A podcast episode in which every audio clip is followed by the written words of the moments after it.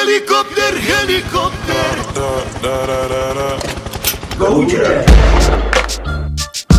You're listening to the Common Folks Podcast on Spotify, hosted by Idol Sis. Fazli Razif Oh, Dan Ashraf Usman Oh, Rendah lari ke Goja Put me on your podcast, bro. Put me on your podcast, yo. Put me on your podcast, bro. What you Put doing? me on You your do we podcast, bro. we we. Put me on your podcast, bro. Put me on your Number podcast, one yo. bullshit guy. Put me on your podcast, bro. Would you put me on your podcast? Stop, He stop. woo, he woo, because he have to go in front of the traffic. Look what I do. Yalah yalah yalah yalah Nanti doan juga Wibu wibu Aku nak kena potong lah Panjang sangat lah tu Boring aku tunggu Alamak Tapi okey lah Tapi okay, okay. Okey. Kira 2022 with a new New, Ah, new, New apa? song New jingle I will new put more in opening. brother Ah. 22 more in Yeah. More in more Hmm. in Ya ya ya ya Okay so hari ni eh, Kita betul lah mati kutu Tak ada idea Mana Tapi, ada Idea banyak Eh, idea banyak Tapi Kau, kita Umur kau berapa? Kita, Ah, umur, umur kau Ah. umur aku sekarang lah 30 Apa Ah, pasal mati kutu? Mati kutu eh, Benda lain lah, tak nak mati eh Mati jirafa ke Ya, Eh. Pasal kutu mati terbalik aku rasa Eh kau dah, dah order? Dah dah dah Grave Dah dah Fuh Ah, So nasi Crave, eh, lemak crave aku favourite dia yang ayam goreng so. Ayam, Ayam goreng, goreng Ah, Ayam dia. goreng dia sedap eh Oh. Ayam goreng dia hu. Aku tak tahu Dia basmati rice dia lah Kau dah tu, meleleh. pada aku. Basmati rice dia Kau Sebelum kau makan Oh, aku, Kau bau aku sikit down nasi dia aku down sikit. Oh, Kau tak suka basmati eh? Ah. Tapi healthy lah ah. Aku suka yang yang kira yang Nasi lemak punya ya nasi yeah, lah. yang berlemak. Oh, Ajar, yang, man. yang macam Ah. steam rice tu Macam lembut-lembut Yeah. sikit. Ah. Okey lah tak apa tu, nan- tu nanti kita boleh boleh Okey lah. Ah, so- boleh menjamu selera lah. Okey lah Kau tiba kau buka topik ni Kau tanya umur aku ni Ah. Kau umur berapa sekarang? Aku Yeah. 22 20 Kacau 30 sen lah Tengok Hussein ah, yeah, yeah. Okay Adil kau? Aku baru 32 Ah, so korang pernah terfikir tak Apa korang akan buat? Ah, Jangan jangan Eh, kau apa pernah terfikir tak? Orang orang nak tahu juga ah, Fast mu berapa ni Fast Aku dah cakap apa tadi? Dia satu kali je cakap Oh sorry 35 kan ah, Eh kau dah tua kau Tak apalah Tak kau rasa kau tua Aku rasa aku tua Kau tengok ni Uban aku dah makin banyak Oh, tau kau rasa eh Aku, Aku tak rasa, rasa. tau aku Tak tua rasa. Tak tak Aku dia, tak rasa. Okay dia Masa aku 33 Aku masih tak rasa aku tua Sekarang, dia, ah. dia start Bila kau 35 Kau akan rasa Ya ke Ah, ah. Kau bangun Kau akan Eh penatnya Kau akan get that feeling Then after okay. that when, Okay. when kau ada scars That just wouldn't heal Kau tak exercise Pasal cepat Tak tak bukan penat It's not like that Really macam Tiba kau ada random back pain so. Eh tapi ideal ada point Pasal kau tak Random, oh. exercise That that one should That one is correct bro. Okay lah okay lah Tapi Kau, what kau about tengok okay, kau, kau, Kalau kau tengok kau Macam 35 kau ada Macam Apa Pen, Penat Penat senang penat Penat Penat ni Tak semua. tak tak Aku tak senang penat Aku just uh, Macam aku rasa tidur tu Aku tidur sikit Macam aku Aku teng- tengok tempat kerja aku eh Ada satu apik ni tau Hmm Dia dah 66 ah. Tapi dia punya energy level Kadang-kadang aku yang penat tengok dia Okay ah. Kira dia punya macam Dia t- tak nampak 66 tapi Dia paling tua dalam kita punya group tu hmm. Dia yang dia yang the oldest tu Tapi dia pa- dia paling macam uh, Eh wah OT lah tu dia OT lah kan lah OT lah OT lah hmm. Dia main sembarang Kira entu lah Enthusiastic Kira kau tak panggil dia tua ha? Ah. Tak ah. Tak aku panggil dia apek Apek eh oh. uh, So ya lah kira macam 35 is not old lah bro It's it's aku tak tahu lah. I, I'm just feeling it only this year. Aku tengok uban dah makin banyak. Aku punya janggut dah start uban, you know. Ah, Hmm. so you you you kind of get the the feeling dia. Orang dah start Okay next, panggil kau next uncle. podcast kau try shift janggut Aku Yeah. nak, nak tengok macam mana muka kau. Pasal pasal apa tu Faz Pasal kau tak tak tak ada this weekly punya Macam cycling ke Ah, betul, pergi betul. Jogging sikit-sikit ke Tak ada, tak ada. It helps ya bro Ah, Really it aku, helps lah. It works on me ah. It helps Aku cuma tidur like 5 hours per day 5 to 6 hours Ah. Ah. Hmm, Yeah, yeah, yeah, around there. I also get the same amount lah. So Cukup sah Oh, pada aku bila at this age lah 30 bila aku about ni lah baru recently ni aku. Okay punya aku nak tidur tanya kurang. Aku nak tanya kau hmm. Apa kau buat during kau Bila kau tak kerja During kau punya free time Apa yang kau kau selalu buat Ah, aku main-main dengan anak aku. Okay other than that uh, keluar lah dengan family. Hmm. So I need to spend some valuable family time lah. Tu hmm. aku believe itu yang akan actually ease kau punya mind off kau punya duties just for a moment lah. Okay macam family time Bagus Ah, ah. Tapi Okay. okay. kira macam kau nak exercise mm. Bawa family kau jalan-jalan uh, Kat park Lagi bawa anak, anak kau Stroller eh Lari dengan stroller uh, Oh. Jalan-jalan lah Lari, dekat ah. park ke apa ke Kena cari stroller yang untuk jogging ni tu. Aku dah tengok. ah. tak, Ada. Kalau kau macam tak nak jogging Kau Ah. just jalan Breeze walk lah eh. Ah, brisk walk, 5 click, 10 click ah, Pun okay Oh, juga Tapi Hmm. Ah. tapi time aku kerja aku jalan laju je. Like, laju boleh berpeluh meh. Eh, Ah. Actually tu exercise juga eh Sebab tu kalau aku voice note korang saya aku selalu out of breath. So ah, aku kalau kau perasan lah. Oh, ya, ya, yeah. So aku so nanti kalau macam rumah dia tingkat empat ah, dia maksimum tingkat empat saja. Kalau let's say lift lambat aku akan naik. Hmm. Ah, okay. Dia tinggal. Itu pun kira exercise juga bro Ah, aku hmm. tak tahu lah tu yang aku rasa that's why I get rheumatism lah kadang-kadang. Macam back pain, leg pain macam ni. So Jadi apa kau nak dengan hidup kau Ah, so aku don't plan to Suka saya hidup. Kira ada soalan terus bro Eh, soalan kau ajar tau tu kalau Ya, betul lah. setengah-setengah orang Tak ni. ah. ada macam apa tau Kau tengah Kira Fas tengah lu- luahkan hat- Luahkan perasaan kan Kau nak lari, Kau nak apa sekarang dengan hidup kau Ah, Kau nak apa dengan hidup kau? Ah, so aku plan to upgrade myself lah. Upgrade Ada okay so aku bila aku cakap gini, eh kau dah tua dah, dah sudahlah buat apa nak belajar lagi. Hmm, Betul Ha, tapi aku rasa there's this concept that whereby you future proof yourself. Just like whatever technology that you have, mm. this is what you're going to do to yourself juga. Kau kau campak benda ni kat diri kau. Future proof yourself. Why? Because kalau kau tengok in the future, mm. the world is going to jadi lagi apa tu advance. Okay Ah, so barang-barang akan jadi lebih high tech. Mm. AI semua dah come in and stuff kan. Mm. Ah, so daripada situ aku rasa aku should take courses like probably macam I'm looking at cryptocurrency, data science, AI. Oh, tu yang ah, kau minat lah, kan? Cyber security. Ah, this kind of shit. You know, benda-benda macam ni yang akan future proof kau, yang akan ensure kau will have uh, something ah. Okay. You have something for your future. Yalah, kau ada wawasan lah Betul. Ah. Aidil pula bagaimana Aidil Aku kenapa? Ah, Apa kau nak dengan hidup kau Aku Aku tak nak apa-apa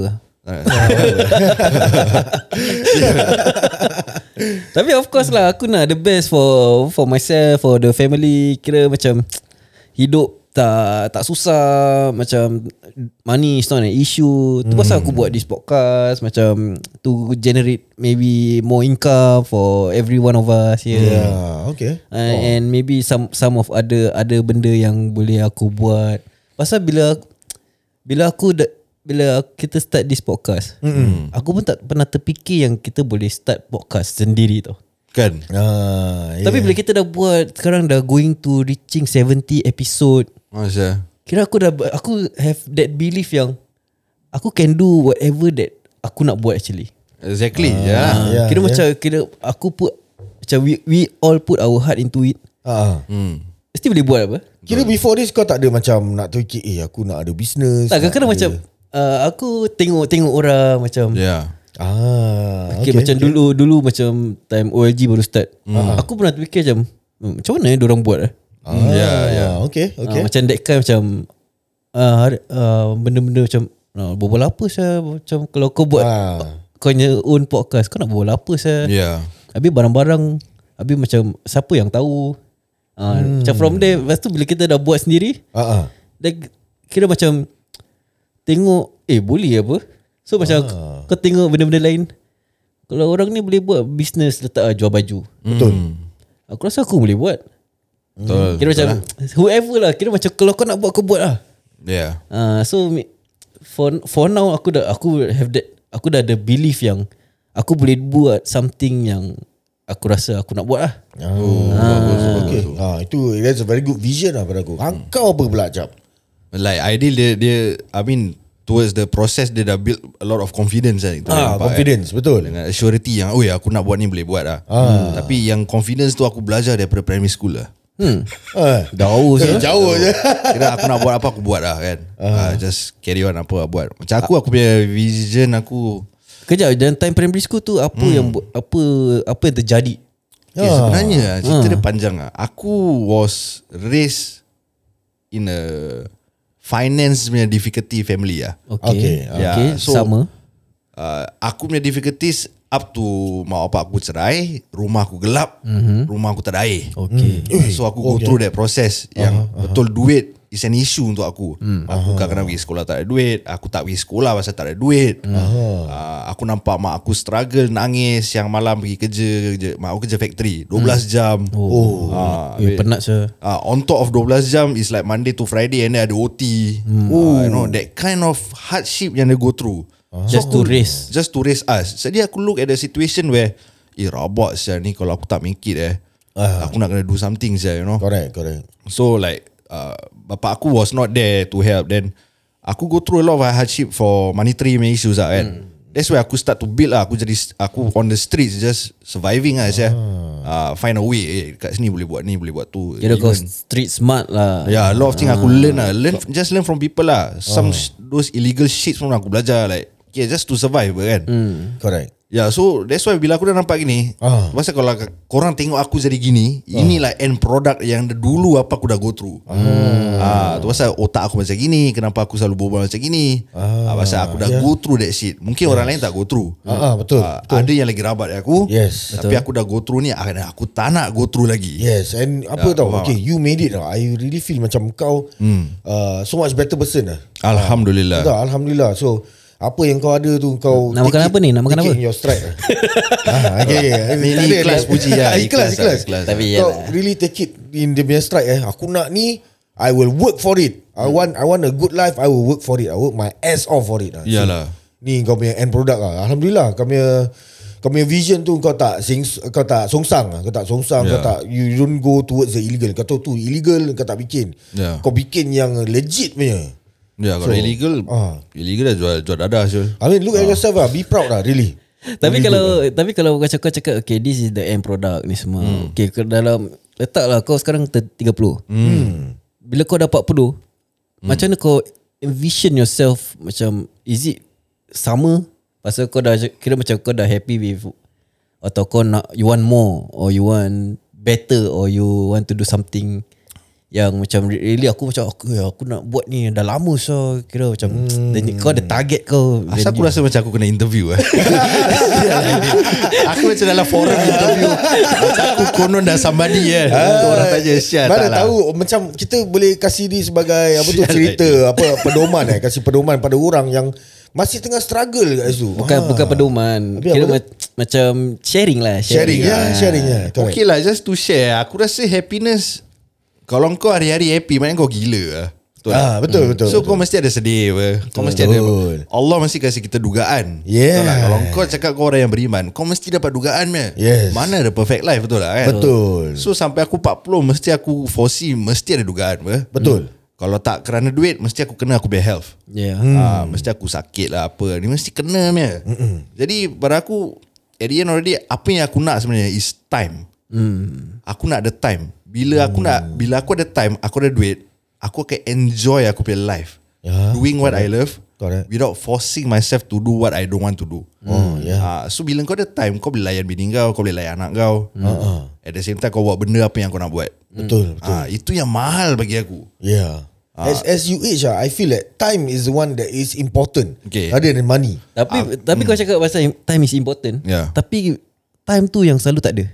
Betul Kau Ya. tahu yeah. tak ada sekarang Ah. Pasal we are Working towards it Hmm. Yes. So kau, kau imagine Kalau seorang yang uh, Usahawan lah Businessman eh Dia work towards the, to, uh, Through dia punya life eh Sampai umur dia 50 Lepas tu dia masih nak buat business lagi Okay. Hmm. Dah ada satu business Nak buat lagi satu business Bukan tak boleh Boleh Tapi at the end of the day Kalau kau tak pandai manage Kau punya business Hmm. Kau forever will be On kau punya business Atau kerja Kau tak ada time juga Hmm, So at the end of the day Kau padam Aha. Ah, Kau mati Cuma Mati macam juga, aku betul. Ah. tengok kadang-kadang macam uh, macam apa success story ni semua.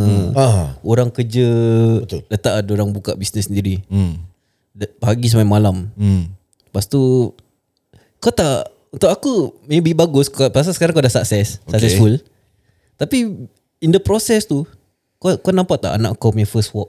Tak nampak sure Oh. Ah. Kau nampak tak bila anak kau first cakap oh, Ah, macam first word Hmm. First word ah, atau dia punya first benda yang dia macam all those first for, Oh. for a for your baby lah. dah. Correct For for for your child to to do. Kau Hmm. kau ada nampak tak? Untuk aku macam be- memang bagus memang kau work for for the future for for your family ni semua. Hmm. Yeah. Ah. Tapi in the process tu kau kau akan miss those thing tau. Pasal kau too busy Building up uh, building up what the Building up kau punya kira The foundation. ah, Yes foundation Foundation Kira kau make ni bukan foundation Ni sudah kau punya end product Ah. lah Kau punya kau working towards your end product already. So I think back to individual Aku Ah. rasa dia willing to sacrifice that time Hmm. To ensure that aku ada time Sampai anak aku lagi besar Hmm. For example the build time anak dia baru beranak Dia miss yang kau cakap Walking lah ni baby Hmm. ni semua kan Tapi bila anak dia dah 6 years old Hmm. Dia semua relax okay, ini itu kalau itu ke, tapi tapi untuk business tak akan build in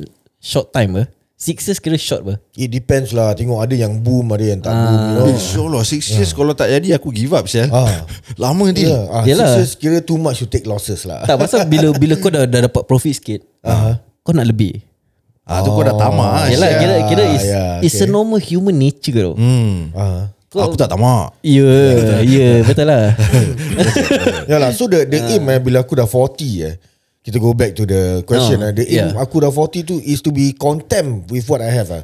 Basically nak cakap Kalau bahasa Melayu Okay, eh, tak boleh, pasal Bersyukur kau- dengan apa aku ada Kau dah 35 kan. Letak Betul. Betul. 10 years lah, 45 lah. Oh sure Oh, Tapi aku aim lagi 5 tahun lah InsyaAllah Okay, by, By 40 juga. 5, 5 tahun 40. so 40. uh, anak anak kau dah 5 years old lah kan. Hmm. Kalau kau dah 40 kan. Betul Aku dah nak start to Step back Relax And then Spend more time With my wife lah Hmm. Aku rasa dia Dia deserve that that time lah yeah. Yeah. She deserve my time Macam mana dulu Aku Really fokus Aku punya time Tapi kau, dekat dia kau kerja ke tak? Ah, Aku kerja Oh tapi kerja, kerja macam 8 to 5 lah kerja aku dah ah dah dah start to shorten my hours already. I see Ah, Tapi that's macam what I want. apa kau punya plan tu? Macam kau nak uh, cari kerja lain ke atau kau nak Mhm. Aku- do something business on your own ke?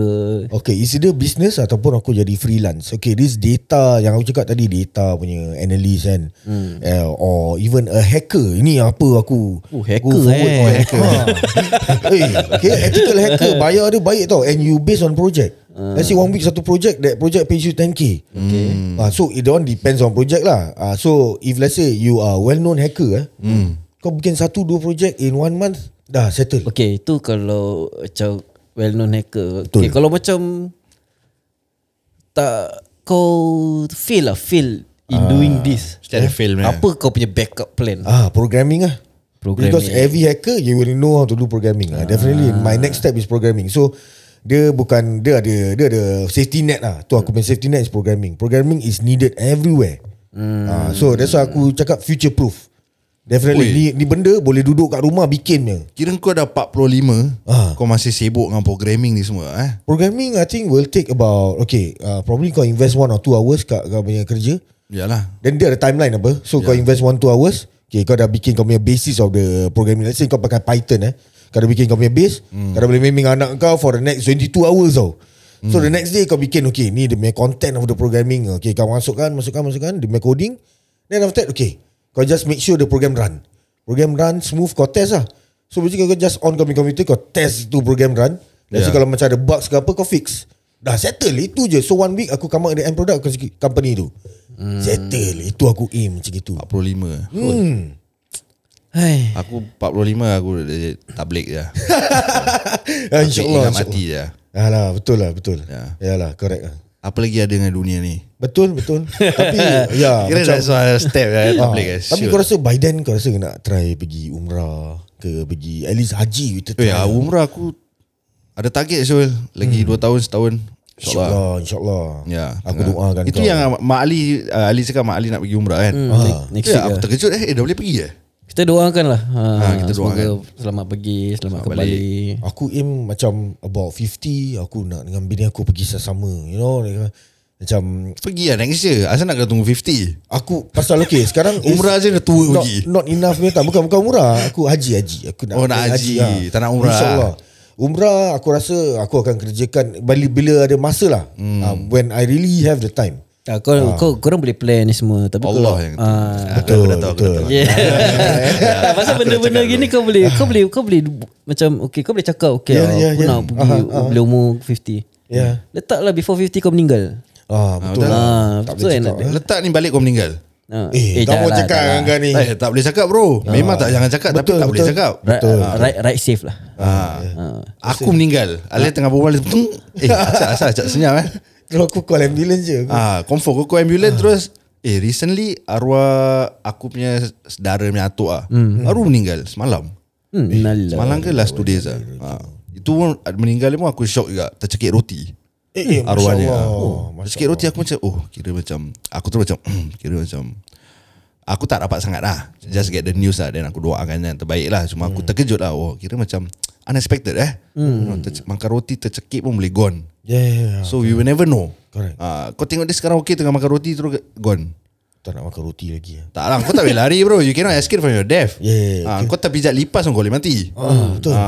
Kalau lipas tu Superman berlipas eh. Ah, Macam Aidil cakap Maybe hit us juga Macam kau boleh plan Ah. Tapi at the, at the end of the day Allah yang tentukan Betul. Kau mesti Hmm. ada hardship coming along Left and right And then kau tak tahu Kau target 50 aku nak pergi haji Kali bam mati Hmm. Games ya Tapi korang ada macam Aku takut saya berbual pasal mati Aku semua orang takut lah berbual pasal mati. Ya dia orang tak takut bro Pasal pasal semua orang tak ready untuk mati. Aku pernah berbual dengan satu pakcik Dia tak takut mati yo. Oh, really? Serius serius serius Ini Pakcik Thanos tu kan Thanos mana saya Pakcik Thanos yang potong rambut kau tu kan Kan kan kan tak, kan tak, tak, tak, tak, tak, tak, tak. Oh, bukan, eh? Kira, de, uh, dia cakap kenapa nak kena takut mati? Hmm. Kalau kau nak enjoy the afterlife, kau nak enjoy syurga, Uh-uh.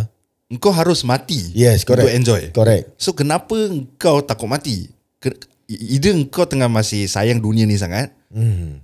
kau tahu that the real life start is where afterlife. Yes So kenapa kau nak takut mati? Kalau kau tahu yang kau mengikut arahan Allah, kenapa kau nak takut mati? Tapi kau tapi Ah, itu dia punya soalan. Oh, okay. Aku akan question dia balik. Okay, shoot Dia cakap okay kau ikut ap- apa? ikut uh, tugasan dengan arahan Allah lah. Ah, okay kau ikut tu semua. Hmm. Kau tahu tak kau boleh tahu tak kau boleh tahu ke whether apa yang kau buat tu ter- diterima? oh. Kau boleh sema- kau boleh so- kau boleh solat lima waktu hari-hari Ya, ya, ya. tak miss. Kau boleh solat sunat semua bla bla bla. Okay. Tapi solat kau tu diterima ke tak? Oh. Ah, jangan takut. Betul. Itu soalan kalau kau tanya, That- dia dia akan cakap. Hmm. Memang tak ada orang tahu kau akan diterima solat kau ni tidak. Tapi yang penting kau ikhlas dengan kau dah buat apa yang kau patut buat. Hmm. Jadi kau ada tu confident macam okay.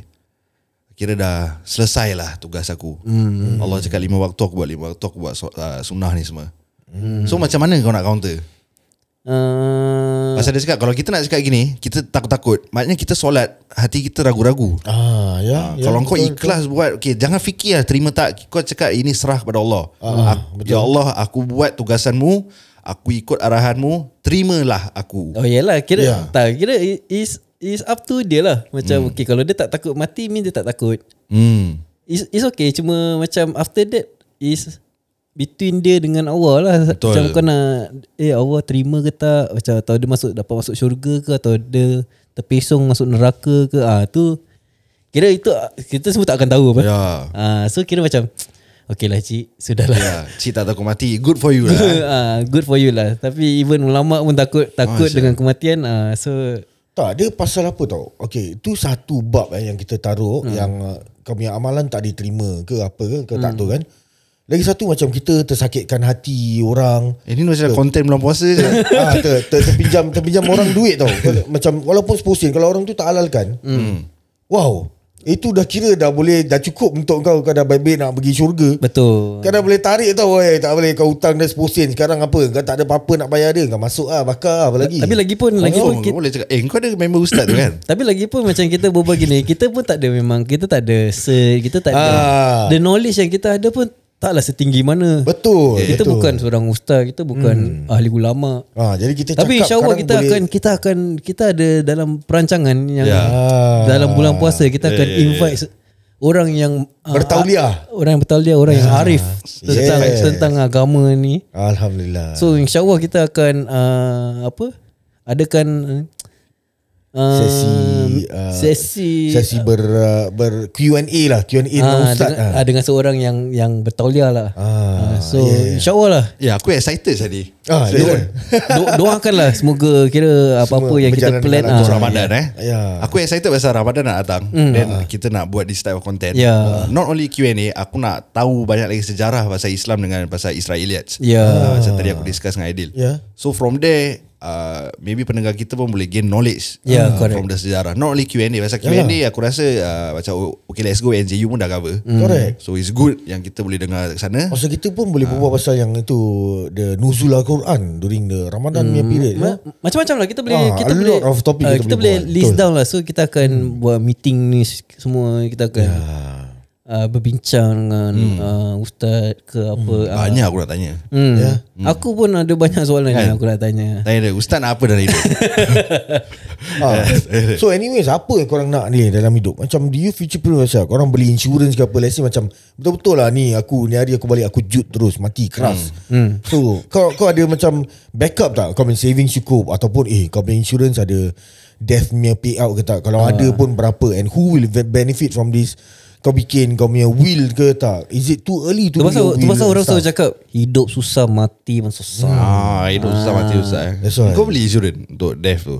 Aku aku covered lah. Death lah? Ah, semua semua untuk Dia macam aku aku tak nak aku tak nak yang for death ni tapi aku nak yang for accident protection. Ah. So it comes with death. So uh, aku punya aku punya niat is for the hospitalization punya issue je lah tapi dia cakap this one comes with death. You, mana-mana kau pergi pun even kau punya motorbike punya insurance yang kau beli sekarang also cover death. I see. So ah uh, so aku just beli for my own protection for hospital lah. Aku tak ada niat for death. Hmm. Mm. Tapi the death payout is quite high lah. Mm. Aku aku punya family will be covered for at least the next 10 years insyaallah. Ya, aku tak fikir tu semua dah. Padahal aku dah mati dah. Korang punya pasal lah. aku dah Hmm, yalah. mati. Correct lah. aku dah mati je. Apa lagi aku nak fikir? Aku nak fikir kau kat dunia. ah, berapa duit kau ada? Sudah. Kau punya balak lagi nak datang ha. Ah, aku punya balak lagi besar daripada korang punya balak. nak Fikir Ya, ya, duit. ya, ya, ya, betul, Aku betul, dah tak ada time lah. Korang punya pasal lah. Syul. Ah, so ini ya yang akan datang kan pasal mati ni ni akan datang yang pasal story isu yang kita berbual tu. Hmm. Pasal duit orang mati. Ya. Kalau korang belum dengar dengarlah episod tu. Hmm. Jadi cakap tu orang hidup susah mati pun susah. Ya, Tapi so- so, curious kan kau kat dalam kubur. Ah. Like, eh, Like- kau, kau tahu si- ah, yang macam kubur punya punishment. Ya, Yang betul. mungkar Ya. nangkir and the soalan they will ask you. Ya, tu pun nanti kita akan tanyalah Tanya. Ah, wow. during that puasa punya session tu. Yang Ya. ada that ular kau, bela- kau baca pasal ular eh, Sajarul Akrak itu yang Hmm. akan patuk kau. Oh itu. Ish aku dengar tu Kau tangan main-main kaki dengan aku asal? Tak ada aku dah ni dah, kaki aku dah basah tangan dah basah tau berbual pasal ni. Really yeah, macam Ya, Tapi Kau like fikir kadang-kadang bila aku jalan basikal eh aku tengok macam uh, the surrounding macam wah kira life life is short lah eh. Hmm, yang gini rasa eh saya ni kami semua boleh mati Ah. saya. Uh. Kadang aku fikir tu ni kami semua boleh mati saya ni. balik. Yeah. Betul betul Eh. Dia lah. macam aku fikir eh apa penyakit eh? aku takut macam let's say macam kita dah tahu Ya. yeah. um, medical punya prospects eh? macam family aku ada kencing manis. Hmm. Ah then ah, ada jeans botak. So aku Oh, eh, patut aku lah. botak tapi kecil manis, tak handsome sah. you know? Kan? Sialah Okay. lah. Kau fikir Kau botak kecil manis tak handsome Ah, eh, tapi tapi macam Sure kau, lah. kau dah macam ah, macam aku tak nak jadi ah, beban bagi family aku. Macam aku Hmm. tengok parents aku both alhamdulillah macam wah aku bersyukur sangat. Alhamdulillah. Macam kalau sakit pun sikit macam still manageable punya. Hmm. Aku tak nak macam ah, kau, kau tengok macam nak kena hantar sampai kat old folks home tak ada orang nak. Yeah. Yeah. Macam itu aku tak nak aim je. Aku dah tua tapi aku still want to be useful to the family. Ah. Hmm. Kau speaking ski- speaking of which eh, old folks home eh. Yeah. Aku nak tanya pendapat korang. Hmm. Ini aku punya real punya experience lah life. So mak bapak aku cerai kan. Ya. Bapak aku uh, was away lah. Dia dah cerai, dia buat dia punya own life.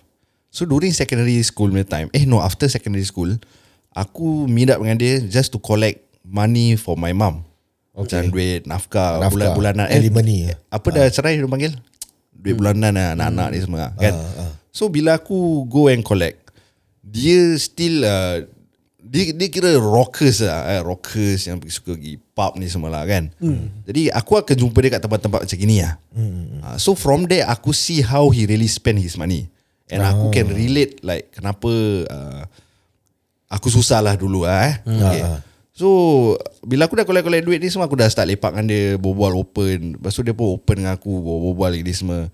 Aku tak boleh nampak dia punya vision. Like he don't know what he wants in his life. Ah. Ya. Which aku very sad to see lah. Yeah. So he back then he work as a tower crane operator. Oh. Gaji dia besar for 80s, 90s punya time. Yeah, yeah, yeah. So he earn about 3,000, 4,000 tau. Yeah. Tau dia operator besar tau gaji. Ya. Ah, back then inflation Ah. sikit je. But then I think he spend most of his time and money uh, towards the punya friends, uh, enjoyment, oh, entertainment ni semua. Okay. Okay. So right now, what happened was dia back then dia kena kencing manis. Dia kena attack kencing manis. Lepas tu dia punya kira family dia aku bu- aku dah buang ah. Terus terang aku dah buang dia punya family ah. Hmm, kira okay. kau dengan aku putus saudara aku cakap direct meh. Kau pergi jalan ah. Pasal dia orang pada aku useless pada aku eh. Hmm. So what happened that dia punya adik ke kakak aku lupa main sign to paper. Kaki bom kena potong satu. Ooh. Aku terkejut. Siapa pergi sign eh? Siapa pergi approve kena pakai debu semua. Aku tengok dia keluar. Kaki dia gone saya satu. Oi. Nah, aku tengok macam eh macam mana aku cakap ya Allah macam mana eh. So he cannot work. Ah. Ah, dia tak boleh dia tak capable to work tower crane lagi. Pasal tower crane kau kena panjat ada Yeah. yeah. ni kan access ni semua. So uh-huh. Ah.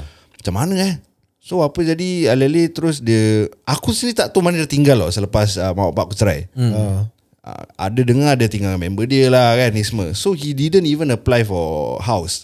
Mm. Then after that uh, kaki dia dah potong, dia dah kencing, dah, dah, dapat- dah, dah, dah kena kencing manis, kaki dia dah potong, dia dah tak tahu apa nak buat. Lepas tu hilang. Phone dia selalu hilang. So bila aku Alamak. Oh. call macam the number your call is not in use. So aku always on the run cari mana bapak aku. Bila aku makin membesar ni aku ada this perasaan care sikit lah. Hmm. Macam dulu aku ah kau pay pasal lah kau dulu sial dengan aku gini ah. aku fikir gitu. Yeah. So bila dah besar ni aku care sikit. Satu kali tu aku nampak dia member kat Pasir Ris Park bro. Eh. Dah homeless lah. Ah. Eh. Kau imagine kau nampak bapak kau walaupun kau geram dengan dia dulu. Ah. Tapi hati kau mesti jatuh tau. Yalah pasal yeah. tetap bapak kau Ah, tetap bapa. Hati aku Ya. jatuh sia bro. Hati aku jatuh air mata aku dah terjatuh aku cakap, "Sia, kesian bro. Aku tengok macam. Ah. Cakap apa ya dia buat kat sini? Itu sekali aku nampak ah, Pasir Ris Park. Lepas tu dia Hmm. hilang ke. Ada sekali aku jumpa dia bawa MRT track bro. Tengah tidur. Nah. Oi. Kau imagine kau nampak bapak kau kat bawah MRT, MRT track tengah tidur yang kau nampak homeless-homeless ni. Bapak kau one of them. Wow. Hmm. Masya Allah. Hati jatuh tau. Aku panggil dia Datang rumah aku Mandi semua Clean up makan So Aku have a hard time to bring him in to stay with me Because of my family And my mother Yeah. So pasal mak aku Lepas dah cerai Dia kahwin baru Hmm. Dengan uh, orang Malaysia lah Bapak tiri aku Aku sayang bapak tiri aku Pasal he treat me so good From aku kecil Hmm. Then uh, So kalau aku, dia tinggal dengan aku Susah untuk mak aku datang Oh, Ah, iyalah. Ya, Bapak tiri aku nak datang kan Nak communicate tak, tak. Habis macam Awkward tak, lah. Awkward lah Habis aku tak kong nak halau macam Ya, ya mak, mama nak datang lah Ya balik lah hmm. Ya keluar kejap lah Lepak kedai kopi ke apa Ah. So kalau every time jadi macam itu Dah tak best Yeah. So aku ada this discussion dengan aku punya siblings uh, macam macam mana eh macam situation macam gini eh. So no one can actually help. Yeah. Uh, adik aku mula di rumah. So sekarang dia kena uh, the last dia kena tangkap dengan polis pasal COVID ingat. Circuit breaker tak ada orang boleh kat luar apa. Oh, Uh, so dia kena tangkap polis during that time. Dia sekarang kat Homes. Ah. Oh. Dia dekat rumah Holmes And dia tak boleh buat apa So Adakah aku ni macam Macam sial Tak buat Ambil bapak aku ke Biarkan dia kat Holmes terlantang macam itu Apa korang punya point Wow. Itu aku nak tanya lah. Kadang-kadang aku rasa macam kesian Macam kat Holmes sikit hari Dia kena sepak Eh, Masya Allah. Kenapa? Ah, Sengkang hospital call aku Pasal orang bergaduh Pasal bapak aku pun satu Dia Dia pergi Macam dia dah kumpul kapal Dia pergi ambil orang punya barang Gini semua Kau tahu lah kan Ransack Ah. Salah kau juga Lepas tu dah bergaduh Dah bergaduh kena sepak Lepas tu masuk hospital Lepas tu sekarang balik homes Lepas tu homes Kalau aku that time Bila lepas sakit mereka Aku ada visit dia Ah, Aku tanya macam mana ah, Tak suka lah gini lah Bawa ayah keluar Gini semua ah. Ah, ah, ah. Ah, Memang kat homes pada aku Lagi secure daripada Yes. kat luar Ya. Yes. Yes. Tapi looking at keadaan dia kau tahu tu bapak kau macam apa patut aku buat lagi? Hmm. Susah kan? Susah. Eh, Susah, wow. dok. Aku masih tak boleh brain. Tapi Aku- okay. Aku boleh brain tapi aku tak tahu d- macam mana aku nak kasi kau some solution Ah. to to this. Betul tak? Betul. Pasal kalau kau nak wow. macam kau cakap tadi kalau kau nak suruh dia tinggal dengan kau tapi bila pe- family uh, mak kau nak Ah, hantar Yes. Tak sui. uh, apa bapa bapa tiri kau nak hantar macam dah pasal the the relationship dah dah renggang Ah. Ya. and it's not it's not at the apa apa tu it's not at the good, Pasal good sama- level Ya, Ya, lah. pasal dah cerai kan. Ah, dah cerai. Habis macam mana saya? Hmm. Susah aku pun pressure macam apa? tak pressure lah aku macam macam mana apa lagi aku mampu buat eh. Mungkin the best sekarang is for him to be where he is now Ah. lah. Yeah, Ya, correct. Hmm. Aku pun rasa home is so much better rather than Okay, he's That- ah, in much better place rather than Pasir Ris Park and bawah MRT Main Bridge. Hmm. Tu Of kira course. Hmm. kau kau dah succeed dah. Itu kau dah pass. Tapi now is just dia punya kebahagiaan. Ah, you, yes. You, you you need to find mana yang dia betul happy. So apa yang kau boleh bikin kan? Macam home ada bawa boleh bawa dia keluar tak? Boleh. Boleh tapi macam for that short period Sh- sekejap je uh, kan. seven hours tak salah Ah, aku. 7 hours. Kau bawa dia macam mana yang tepat let's say dulu dia pernah bawa kau keluar. Kau bawa Atau dia tu, atau just- tak atau tak payah macam uh, macam Faz cakap betul. Hmm. Kira macam weekend tak payah every weekend, macam Hmm. once a month. Ya. Uh, bawa dia keluar jalan-jalan even macam pergi piknik ke apa ke Correct, dengan correct. siblings kau. Ya. Uh, jangan bawa mak kau. Just biar dia punya mind tak Ah. locked up dekat tu tempat. Dia akan fikir itu negatif negatif So- tapi dia tak nampak dia punya positif dia dekat yeah. Ya, situ. So so macam kata kau buat that kind of outing untuk dia. Outing eh. So macam every every every month dia akan look forward tau. Macam there's something ah. that he can look forward to macam eh tak sabar next ah. Ah. next weekend anak-anak aku nak datang bawa aku keluar jalan-jalan. Ah. Ha, walaupun yang itu tempat ni Eh tempat ni macam sial lah Eh tapi jap Lagi aku kira Tengok kalender Ah lagi tujuh hari lah Acap Kia datang ah. Kalau otak kau. lagi tujuh hari lah Acap datang ah. Okay Dia ada macam Walaupun dia set eh Okay okay tujuh hari aku tahan aku tahan I see. ha, So dia ada something look forward to yes. Pasal dia dah tak kerja So dia dah hmm. Macam sebab tu dia boring Sebab tu kau Dia apa tu Ransack orang punya barang ah. Eh aku boring lah Nak tengok apa dalam bag dia Rokok-rokok dia ambil. Ah, maybe ah, maybe it's because of that lah. Dia macam, eh aku, eh anak aku tak datang lah, aku tak rokok. So dia buat gitu. So dia boring. Aku rasa it's because of dia bored. I see. Eh, korang Ah. give me a Hmm. good point lah eh. Betul eh. Nah, Ah, pasal aku dulu aku um, ada kenal this uh, orang tua. Hmm. Dan this orang tua dia okay, dia kerja honest B lah. Dia tak ada rumah, homeless sama. Eh. Oh, sama. So dia so busuk. Ya, Aku tanya dia, "Uncle, why you Smelly. Sorry, lah, sorry to say, lah, why you smelly?" Macam oh eh Habis the next day kau tahu apa Dia Kau big ass- sial lah kau. Ah. Tak lah aku, aku cakap dengan dia lah Macam eh This one I, I tell you nicely lah Aku cakap dengan dia Ah. baik-baik So the next day Dia beli air freshener lah Dia Eh, kesian sia. Oh pulang Eh uncle you ah, you Bawa balik rumah kau lah suruh dia mandi. tak, aku tanya dah You know house ah? Eh, you want go back my house ah? Ah. Ha. Eh, no need, no need. I always shower at the... Dia bilang aku, aku ceritakan lah. Dia, family dia buang dia. Gedebak, oh. gedebuk gini. So, apa dia punya property is, dia punya motorbike je sekarang. At least dia ada motorbike eh. Ah, at least dia cakap, and this one the CUE going to die. So, I have to ciong ah to buy new motorbike. So, aku bilang, oh, okay uncle, but... Kalau tidur atas motor tak boleh sakit eh. Oh, dia cakap sakit. Dia pernah cakap pernah try. Dia pernah tidur macam Nak, begitu. nak nak nak tidur lain, nak balance lain. Ah, tak, main stand, main stand. Dia boleh main stand. Dia tidur. Dia cakap pernah. Sakit Cakap, sial. tak, dia ye, sakit. yelah, lepas tu, nak, lepas tu nak kena balance diri dia apa.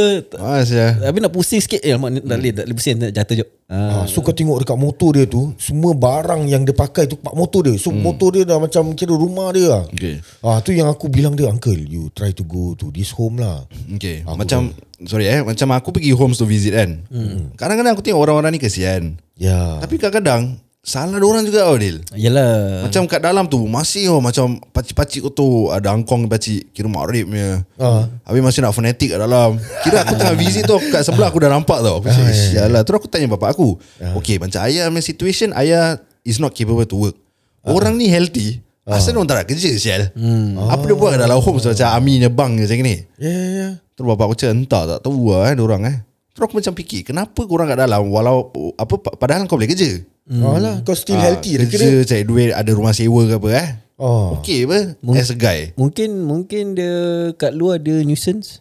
Ya yeah, that's why Ah. Nuisance lah Tu pasal ada certain orang Yang memang Kesian Ada satu orang memang Dia yang nak ni Atau memang ada ada certain memang dia deserve to be there lah. Ah. Deserve to be there lah So macam mana pun lah Aku believe that uh, Parents punya restu tu lah Tak kisah mak ke Tapi before ayah. kira kau, kalau kau nak buat gitu, uh, just bilang mak kau yang uh, okay kita adik-beradik plan nak bawa ay- ayah keluar. Ya yeah, yeah. Aku okay Hmm. Ya, yeah. so uh, correct lah discussion satu dengan adik-beradik. So Hmm. aku rasa that is the best lah. The minimal yang aku boleh Lagi, buat lah lagi, lagi pun lagi pun kita semua dah meningkat dewasa dah boleh dah boleh fikir dengan matang. Ya. Macam benda-benda gini dah, yeah. dah den- dendam-dendam ni semua dah tak boleh dah tak payah fikir sangat lah dah boleh put aside. Mm. Hmm, He is Yeah, Ya, correct. still your father after all. Yeah. Ah, dendam, aku makin tua ni dendam aku dah macam slow. Ah. Hmm. Kakak aku punya dendam yang kuat. So Sampai apa sekarang eh. saya. Apa apa kau boleh kasih dekat dia eh?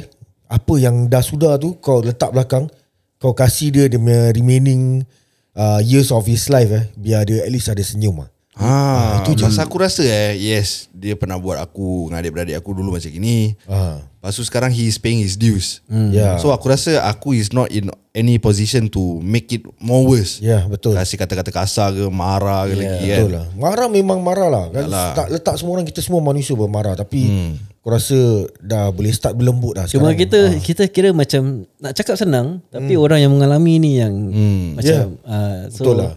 it's really up to macam kalau kau fikir dia dia deserve to be to be treated that way ah uh, then kau Go for it's, it it's up lah. to you lah. Uh, Ya, tapi inilah best advice lah. Just berbaik-baik lah. Hmm, Tapi deal kalau kau tua jangan takut aku jaga kau lah. tak ada link eh. Tak ada link ID padahal dia ada anak. Alhamdulillah lah. Kira kita jaga each other lah. Tak ada ID dekat dia.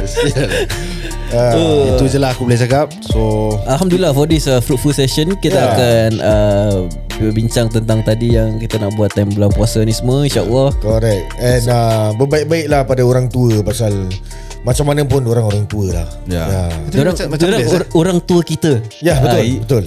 Kalau tanpa orang kita tak ada dekat dunia ni. Tapi macam best macam aku cakap tadi. Yeah. Macam Gini eh. Betul betul. It's a macam sharing good sharing session lah. Jangan asyik nak berbual merepek. Nah, Kelakar memang kelakar. Ah, betul. ketawa memang ketawa tapi at times memang kita have to sit yeah. down and talk and maybe maybe untuk orang luar maybe boleh ambil some ada advice ke yang Hmm. korang boleh ambil ke. Ah.